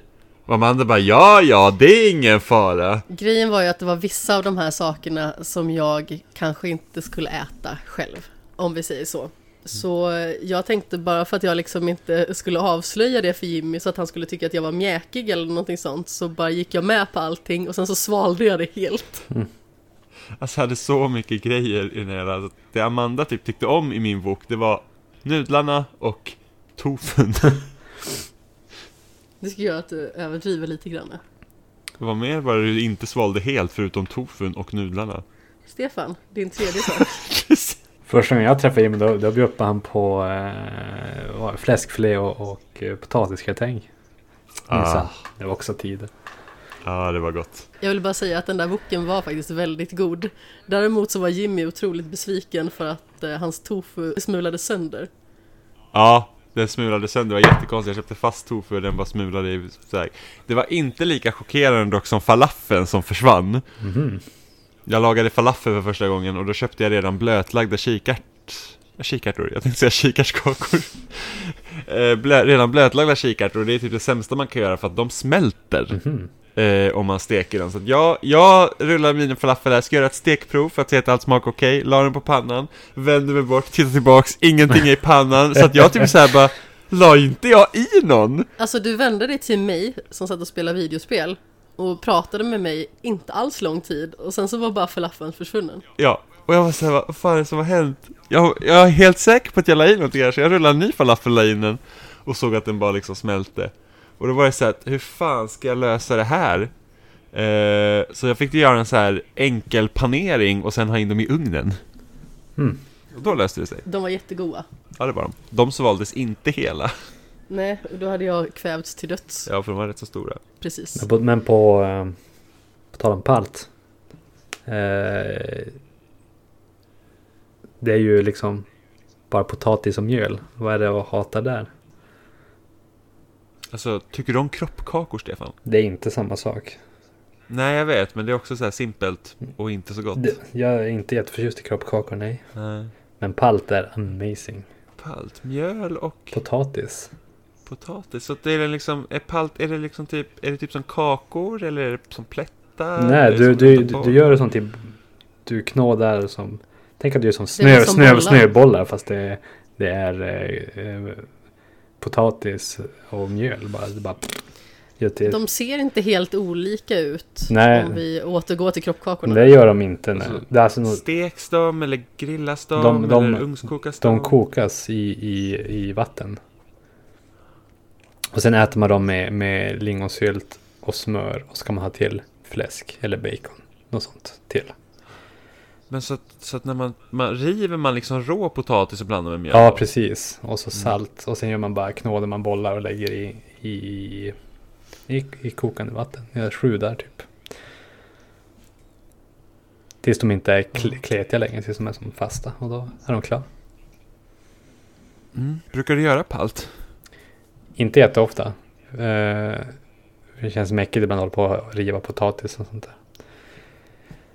Men det är jävligt gott. Jag, br- jag brukar alltid be om det när jag antingen när jag är hos min syra eller hos min pappa och hälsar på. För de är ju jäkligt bra på allt. Paltexperterna. Mhm. Mm. Sa du din tredje sak, Stefan? Eh, nej, det sa jag inte. Eh, Tror du först jag hade fått en liten minneslucka? nej, jag, jag varit så förnärmad att jag sa palt och sen vart det ett kaossamtal och sen kom jag in på wok. Eh, jag vet inte om jag kommer på någon tredje. Det, Ingenting på efterrättsbordet som du hade velat lägga till? Man hade ju kunnat byta bort den där vidriga ischokladen till exempel. Ja, Ischoklad är jättegott. Ja, det är fruktansvärt. jag, Det är jag, så kvalmigt och obehagligt att äta. jag, jag kan äta en, sen blir jag nästan illamående. Jag tycker det är för mäktigt på något sätt. Jag blir illamående bara jag tänker på ischoklad. Har, har, på tal om efterrätt och, och julgötta. Har ni ätit radiokaka någon gång? Nej, jag antar att Amanda heller inte har gjort det. Nej, och vad är det? Jag vet inte riktigt vad som, är, vad som är i den, men det måste ju vara något från förra generationen. Det är något min, min mamma brukade göra. Nu. Inbyggd bandspelare. Jag vet inte, jag tror det är bara hur, hur eh, det ser ut i kakan som de tycker ser ut som en gammal radio eller någonting. Av någon anledning. Jag vet inte vad som är i den. Men jag minns att det var gott. Och jag har inte ätit det på jättemånga år. Ska vi se, radiokaka, jaha. Okej. Typ brun. Ja, med typ något vitt i. Ja, men precis. Jag kommer inte ihåg. Ja, det är bra Jimmy. 10 av 10 i beskrivning, typ brun. Ja, ah. Det, här, det ser gott ut. Ja. Även kallad kexkaka, ischokladkaka. Mhm. Så nummer tre, radiokaka. Men fast det, fin- det hade, har vi haft. I alla fall hos mig när jag vuxit upp. Ah, ja, men det kanske inte är en klassiker i allmänhet. Nej, det kanske inte är. Jag vet inte. Ja, men vi, vi, jag klämmer in den där då. Perfekt. Alltså, när det är julafton så har vi hos mina föräldrar sedan många, många år tillbaka inte haft vanligt julbord utan vi har haft eh, italienskt julbord så att säga. Mm. Alltså det är ingen julbord utan det har varit lite, Pizza, lite pasta. eh, i alla fall pasta. Mm. Det har varit lite förplock så där har det någon gång varit kanske lite småpizza och lite sånt. Men lite grissini, lite kallskuret, lite ostar, sånt. Eh, och sen lite spenatrulle, färsk pasta, tiramisu till efterrätt. Men vi är lite inne på samma ämne där i eh, min första av de här tre. För jag tycker ju inte direkt om något av bröden som ofta brukar vara på ett julbord. Jag är inte jättefan av vörtbröd. Jag förknippar julen väldigt mycket med liksom grövre brödsorter som är lite av ett torrt straff. Eller typ smörgåsrån. Mm. Som i och för sig kan vara ganska gott med typ leverpastej och smör på. Men jag hade velat ha en annan sorts bröd som hade kunnat vara gott till som är lite lättare, lite luftigare. Eh, och på Maxi finns det ett medelhavsbröd som är så här fluffigt och välkryddat. Och det är så himla gott. Min mamma brukade baka ett jättegott bröd på jul. Det är långfil i, i degen. Jag vet inte vad brödet heter. Det var jättegott så här.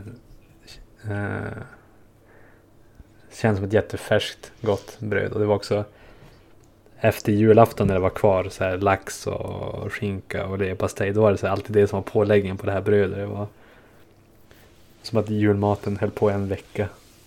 Amazing. Ja, men jag hade gärna velat liksom ha ett lite så här lättare komplement. Liksom. Ett bröd som är lite lättare till den här maten som ändå kan vara ganska överväldigande och tung. Ja. I och med att det är ganska mycket fett i maten. Så det hade jag verkligen uppskattat. Sen min mamma gjorde faktiskt ett bröd som var jättegott. Men jag tror att hon slutade göra det när jag var i tonåren någonstans. Det var ett eh, jalapeno och valnötsbröd som var väldigt gott. Men sen så har jag lite mer i varmrättsterritoriet potatisgratäng. För att jag tycker att Janssons frestelse är en jäkla hädelse som jag eh, helst inte vill äta. Men det är ju lite åt samma håll och jag tycker att en riktigt krämig potatisgratäng hade man kunnat få byta in där. Sätta Janssons på bänken. Janssons frestelse är jättegott. Det tycker du? Det är asgott med Janssons. Stefan sa det bäst, asgott. Jag kan inte tvinga er att ha rätt. Men ändå har vi det. Utan, ut, utan tvång. Sen Rätt utan tvång. så har jag på min eh, tredje position, det är lite från dessertbordet då. Det är ett godis som väldigt lätt skulle adapteras in till ett julbord. Och det fanns när jag var liten i någonting som hette Nalle Puhs kokbok. Jag hade den när jag var liten och jag och min mamma gjorde det här och det hette Ugglas frasgodis. Och det är någonting som jag tycker är så fantastiskt gott. Hold up. Ugglas fras. Jag hade också Nalle Puhs kokbok när jag var liten. Jag har alltså Jag vet precis vilka kakor du pratar om. i minnet i vuxen ålder fortfarande det här receptet, exakt vad som är i. Och jag har gjort det jättemånga gånger för att jag älskar det så himla mycket. Jag hade med det på en chokladfest, jag hade med det på spelhjälpen. Det bara försvinner fort som attan. Är det cornflakes och sirap? gott.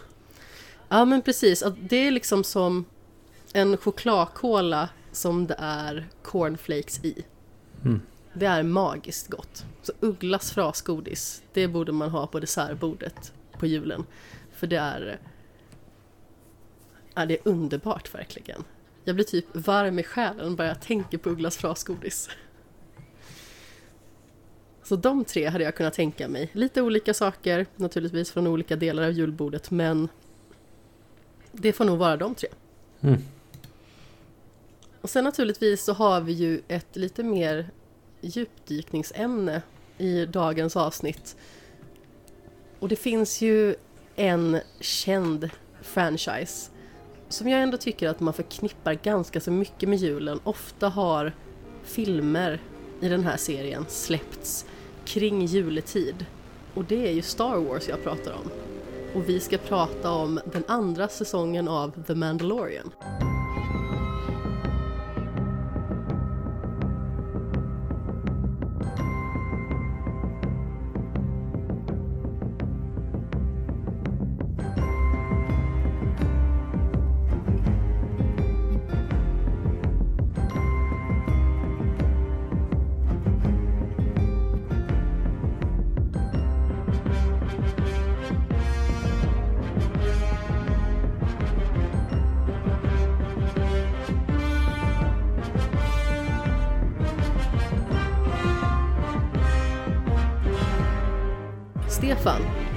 Du den här andra säsongen när den kom direkt? Ja, jag, jag eh, såg varje vecka det kom nya avsnitt. Jag var där på releasedagarna och såg. Det börjar bli ett tag sedan nu. Ja, det är över ett år sedan. Är det så pass? Ja, det vill jag minnas i alla fall. Men då gillade du första säsongen antar jag? Eh, den växte på mig mer allt eftersom. Eh, precis som många serier tycker jag att det, det, det är ju lite segstartat och sen växer det mer på en. Och sen, ja. Den varit bättre med tiden, ettan. Och då kunde jag se. Ettan hade, fanns det, det var ju, den såg jag först när Disney Plus kom till, eh, till Sverige. Jag såg inte den när den släpptes i resten av världen. När Disney Plus fanns i USA till exempel. Men de var ändå så fräcka att när det kom till Sverige så körde de ändå ett avsnitt i veckan. Det var det sjukaste, man bara så hallå Det är liksom så här, det finns ingen anledning att köra ett i veckan Hålla tittarna på halster sådär ofint. Ja, men liksom det, det främjar ju bara för att hade, hade det varit jag till exempel varit så här skitsugen på att se Mandalorian och så hade jag sett första avsnittet bara jag vill se mer nu och veta om att den har gått till USA då hade jag fan tankat de avsnitten Mm. Nu tankade vi avsnitten ändå vi, vi, såg dem innan Disney Plus fanns i Sverige Ja, men första säsongen. första säsongen, precis så att eh, Haha Jag tror att säsong, just det. Jimmy lurade systemet. Jag för mig att det, det var så tajmat att när säsong ett var klar så veckan efter tror jag säsong två började. Eller Ah. kanske inte direkt veckan efter men det var jättekort emellan minns jag. Men som sagt, jag är lite inne på samma spår som du där Stefan. Första säsongen växte lite på mig, men jag tyckte att den var extremt ojämn. Jag tyckte att eh, den började väldigt märkligt och det kändes liksom som att den bara gick och gick och aldrig kom någon vart.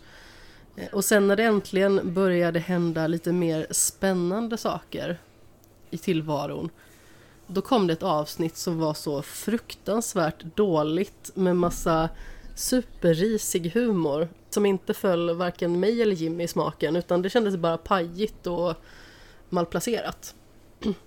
Och sen så kom avslutningen som ändå var ganska så väl uppbyggd.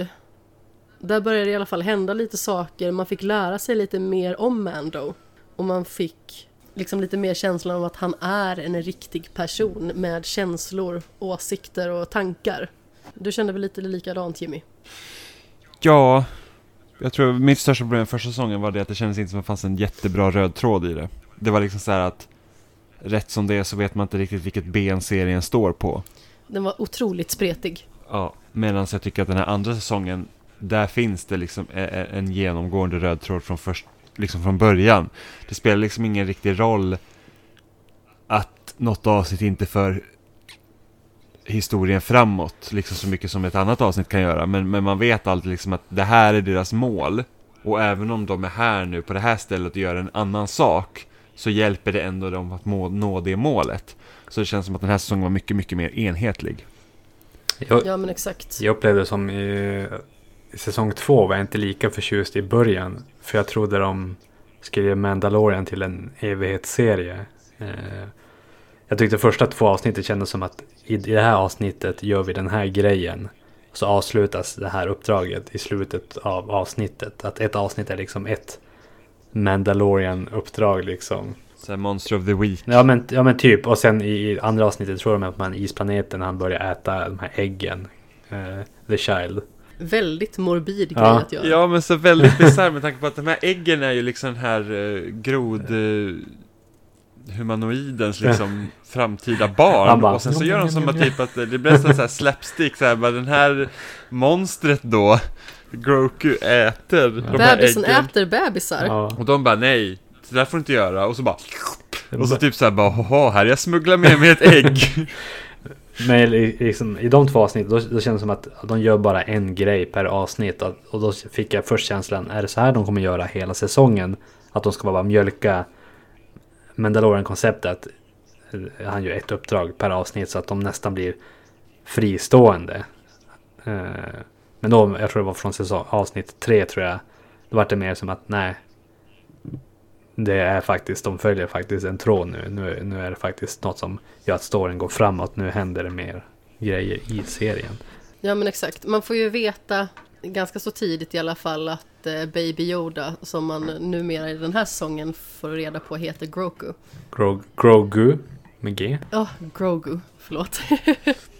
man får ju reda på liksom att han har väldigt speciella krafter och eh, har väldigt starkt samband med kraften. Mm.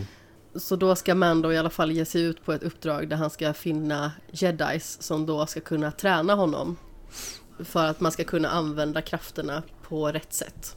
I och med att den här lilla filuren har ju potential att bli väldigt farlig om han hamnar i fel händer. mm.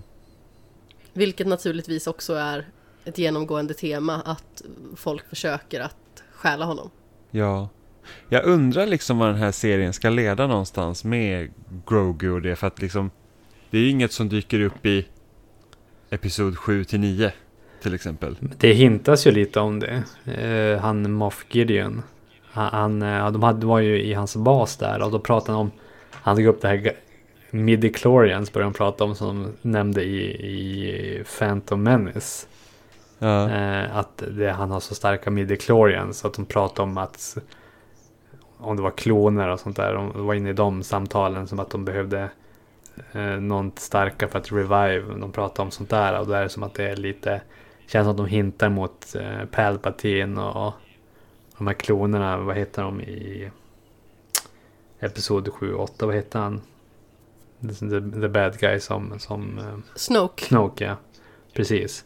Det känns som att de hintar lite mot de grejerna när de börjar prata om midichlorian så att de ska... Om de anti- ja, det är mycket mer. jag tror de pratar om klona eller uh, återbliva eller något sånt där. Jag har lite svaga minnen från det men jag minns att när jag såg det då tänkte jag ah, de hintar mot det här. Tänkte jag i alla fall. Ja, ja men vet, de använder i alla fall hans blod för att liksom klona fram folk. Ja, Eller vad de nu klonade. ja. Men det är väl en annan sak som jag kan känna kan vara eh, lite till en nackdel för serien att, att både nackdel och positivt. Sen kan man sin Star Wars då kan jag tänka mig att det är jävligt roligt. Är man som jag som inte har fullständig koll på Star Wars känns det att det är väldigt mycket som liksom hintar mot andra saker som, som är lätt att missa om man bara flyktigt sett filmerna. Mm. Ja, man får ju googla som en galning. Lite får man googla. Eh, och kolla liksom. Och så här att, ja ah, men det där känner man igen därifrån, den här lilla detaljen kommer därifrån. Eh, för att förstå liksom hela sammanhanget. Och, och jag känner att den här säsongen försökte ju verkligen binda ihop det liksom med, med övriga Star Wars-delen. Vi hade liksom, ja men vi fick ju se Boba Fett från originaltrilogin och det kopplas ihop vad som hände liksom i, i, i eh, prequel-trilogin och sen har vi hon Ashoka. hon? Ash Ashoka från eh, den animerade serien. Så att det är liksom... Och båda skulle få varsin stand-off. Vad heter det? Spin-off heter inte stand-off. Spin-off-serie. Ja men precis. The Book of Boba Fett kommer ju redan den 29 Ja. december. Ja, och det kändes ändå som att de eh, knöt in det ganska så snyggt. Precis som du Stefan tyckte jag att säsongen började lite småsömnigt. Jag har hört från otroligt många håll att den här säsongen är makalöst bra. Och jag kände verkligen att nej nu, nu måste jag börja lyssna på andra människor. Eh, för jag tyckte att det var verkligen lite sådär. Det kändes lite lumpigt igen och in, inget fel med det alltid, men på något vis så kändes det lite onödigt. Det kändes överflödigt. Och det kändes som att så som förra säsongen avslutades så visade ändå skaparna att det fanns ändå mer att ge. Eh, och sen så tycker jag att det kan se lite taffligt ändå ut med den här lilla Baby Yoda-figuren som eh, ser ut som att den väger 0,01 kilo. Liksom, de kan bara slänga runt den lilla rackaren. Det ser märkligt ut. Jag, jag tycker det känns liksom som att den har verkligen ingen tyngd. Och det känns liksom som att den inte existerar nästan. Alltså, eh, jag tycker att det är inte riktigt välgjort. Inte i mina ögon i alla fall. Det kanske är många som är mer experter på området som tycker att det ser fenomenalt ut. Men jag tycker att det ser väldigt skumt ut och även när karaktären rör sig tycker jag också att det ser märkligt ut. För att det ser ut verkligen som att någon har en osynlig hand rör en docka. Jag gillar ju det att de gick tillbaka till, eh, till praktiska effekter och dockor. Som de, de gjorde så även med Yoda i Episod 8, tror jag man fick se han. Eh, och då, då gick de tillbaka till en original Yoda som var som en, en, en Muppet. För jag, jag har aldrig varit förtjust i, i, i 3D Yoda som är i prequel-trilogin. Riktigt, hur, hur han, ja. Så jag, jag, tycker det, jag tycker det är charmigt med praktiska effekter och, och sånt. Att de använder så lite CGI som möjligt då. För, speciellt med, med karaktärer som ska prata och ta upp tid. Men alltså så sett så jag kan hålla med dig om att det finns ju kanske en viss charm. Jag tror att det kanske har med vana att göra också. Eh, att det liksom syns inte så ofta längre. Så att det är kanske därför det ser besynnerligt ut på något vis. Men det kändes som att det på ta- inte riktigt gifte sig med resten. ja, så kanske kan upplevas. Eh, Men på tal om praktiska effekter. Det finns ju också en, en serie på Netflix som är enbart gjort så i så här gammeldags puppets. Den heter The Dark Crystal. Den är så himla bra. Ja, den är jättebra. Ja, den var helt magisk. Alltså, jag, jag, jag, gillar den verkligen jätte, jätte, jättemycket. Så det synd att den inte fick en till säsong. Jag tycker det är jätte, jätte, ja, jättetråkigt. Jag var så taggad på att få se mer och sen kom nyheten upp. att Not renewed. Mm. Hade du sett filmen innan du såg tv-serien? Nej, Stefan? nej. Jag, jag visste inte ens om att det fanns en film innan. Jag såg bara en trailer på det. Jag såg bara det här ser jättespännande ut. Och sen när jag såg det vart vi jättefast. Ja. Och jag såg ju serien och sen hoppade jag direkt och se filmen och efter jag sett filmen så såg jag även dokumentären om filmen. Ja, Ja, jag, jag var helt, helt förälskad i Mm. den. Jag har tyvärr inte sett den, men just i Mandalorian här så jag vet inte, jag fick lite typ så här Ronja Rövardotter-vibbar. Det kändes lite avigt, men som sagt, det, man vande sig lite vid det också efter ett tag, ska jag ändå erkänna. Och eh, Grogu är ju enormt charmig och söt. Det är svårt att säga något annat.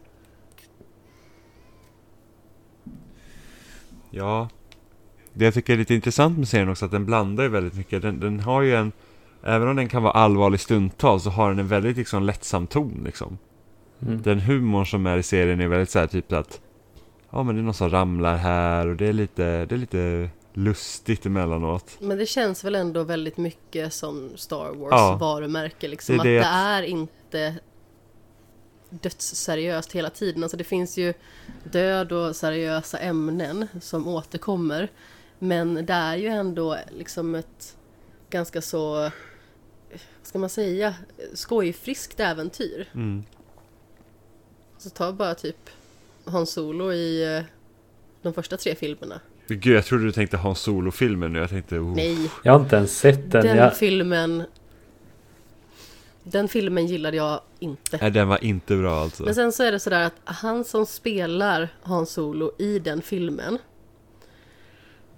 han är så pass gammal Att det känns inte rimligt att han skulle vara den yngre versionen av eh, Harrison Fords karaktär.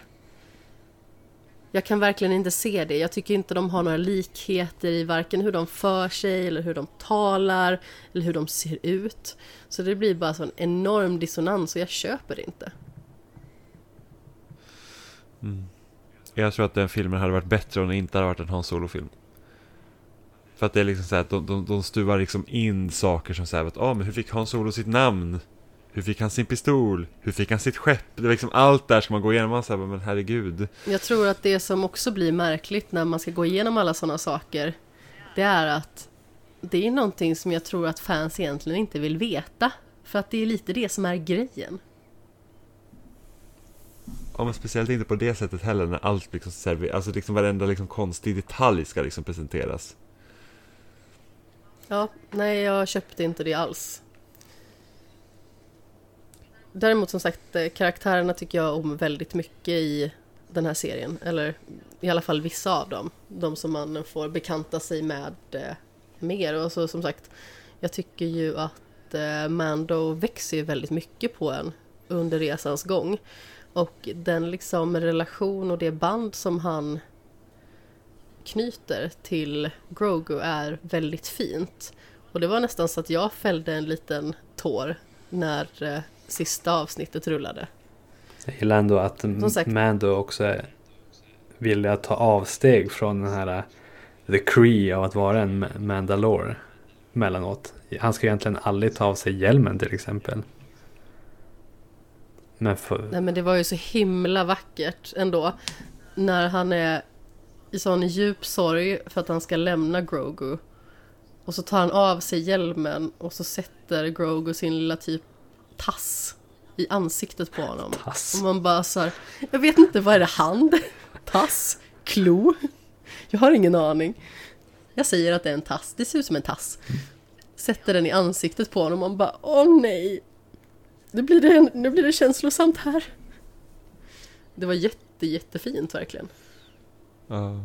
Och det är också något som är bra i den här säsongen, att, det, att Mando känns mer som en karaktär också. Det har liksom varit svårt att knyta an till honom i första säsongen.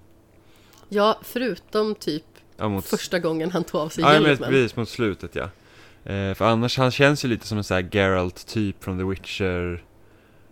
Liksom det är lite samma den här att man, man, har, man, man är liksom väldigt mycket för sig själv och man, har, man gör sina uppdrag man behöver göra och liksom inte går mycket utanför det och sen hittar man liksom en, någonting att knyta sig an till. Enslig, svår och kinkig. Mm. Jag såg ju att eh, mycket av inspirationen till The Mandalorian kommer ju också från eh, mangaserien A Lone Wolf and Cub som jag läste typ för ett år sedan.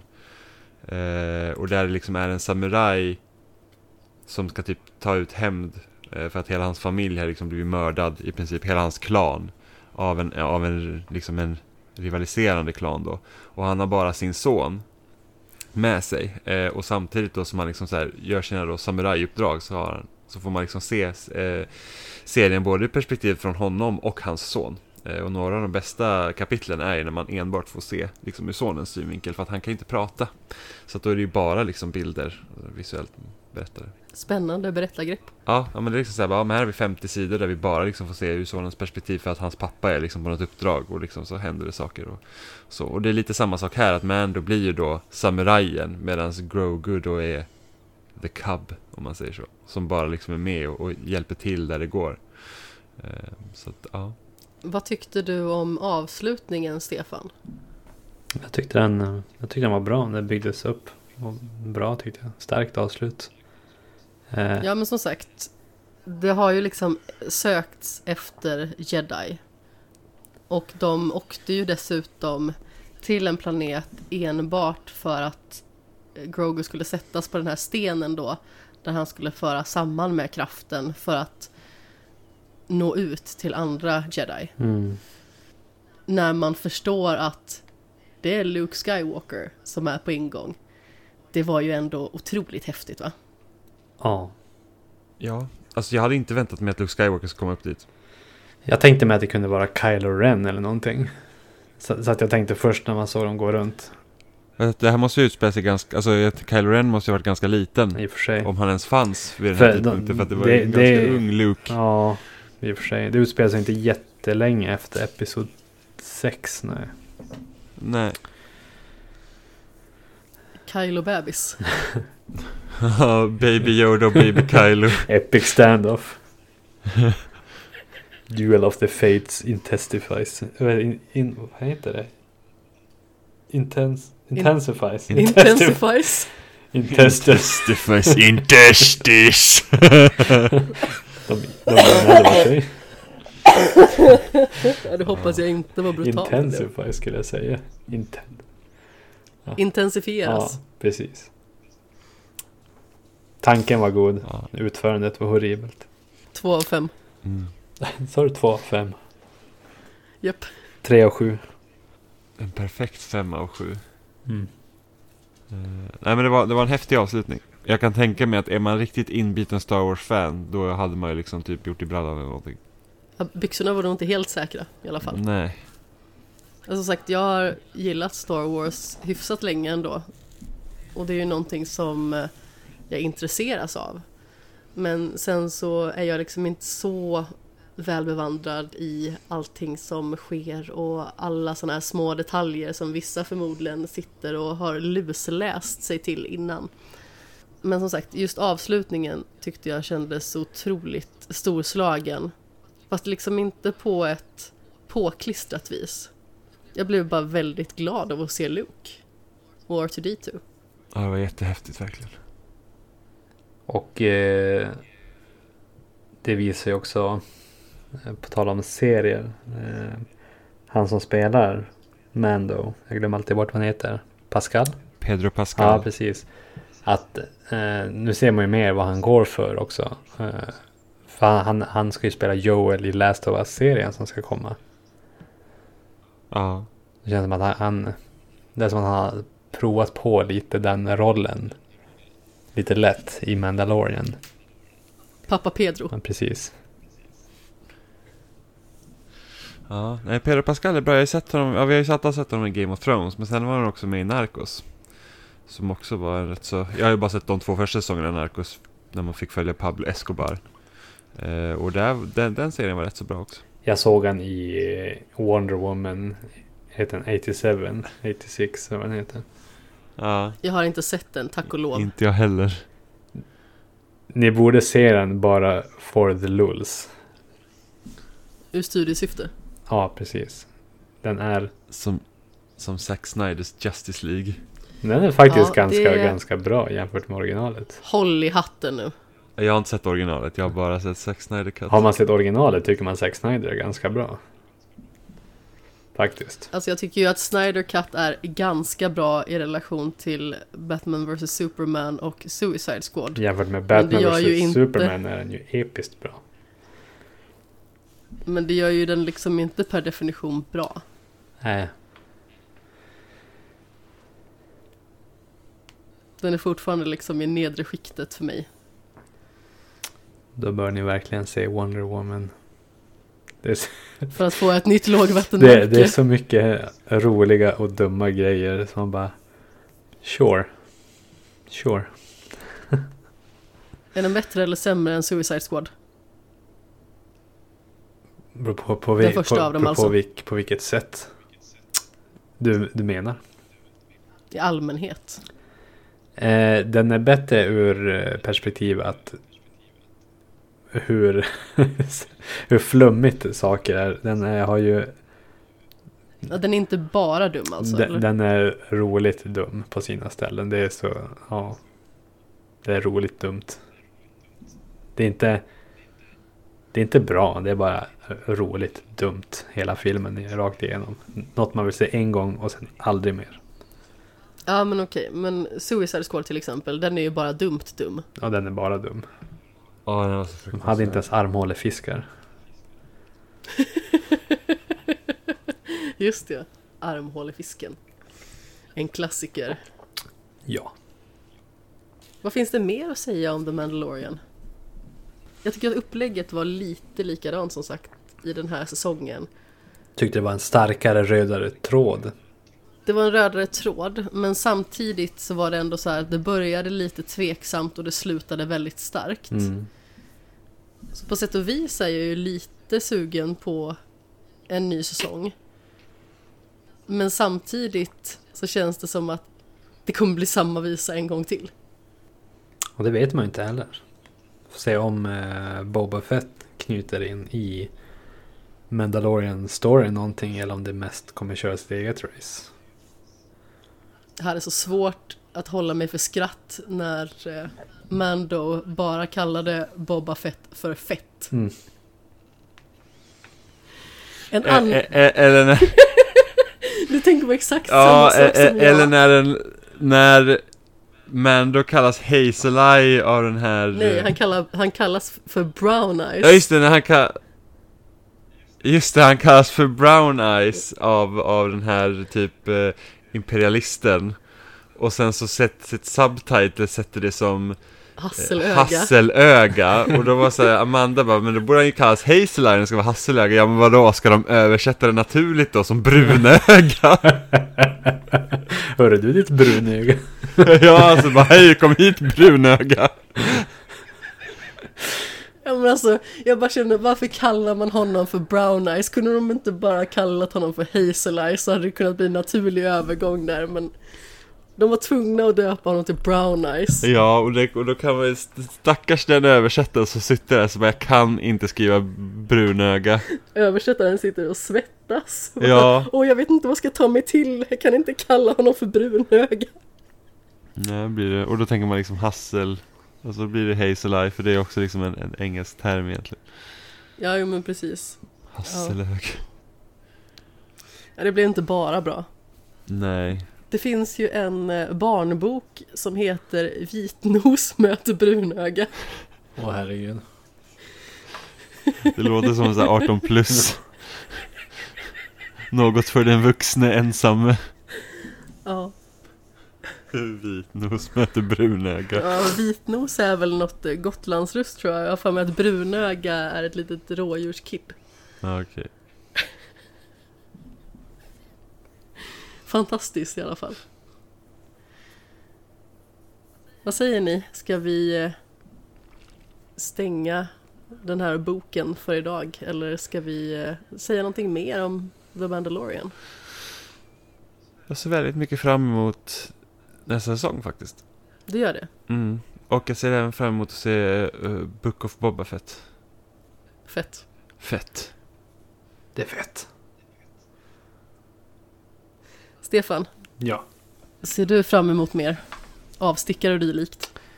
Eh, jag gillade ju hur de porträtterade Ashoka. Även fast jag, jag har bara sett om det var två säsonger av animerade. Men eh, jag är intresserad av att se hur hennes avstickare kommer bli.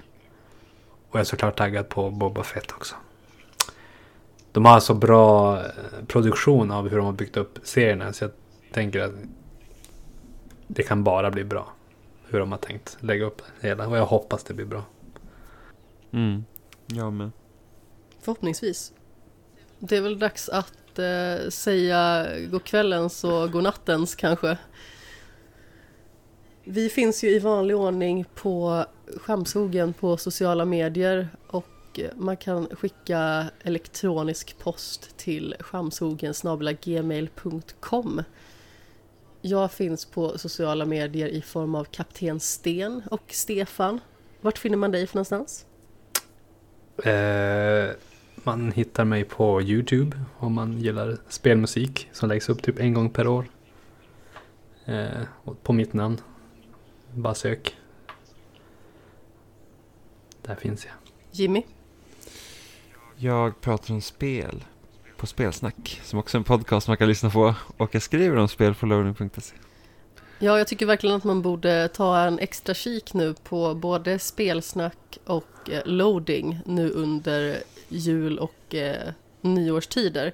För att det är väldigt mycket årets spel, det är olika typer av listor som kan vara roliga att läsa med olika kategorier. Vi kommer ju i vanlig ordning ha vårt årets spelavsnitt men också musikextravaganza. Sen så imorgon utifrån när det här avsnittet släpps då, så har vi en 10 timmar lång stream. Från klockan 12 till klockan 22 så kommer vi tre stycken sitta och Eh, streama massa olika spel, ett spel i timmen under de här tio timmarna. Så då hoppas jag att ni vill hänga med och kika på det och eh, hålla oss sällskap under denna lördag.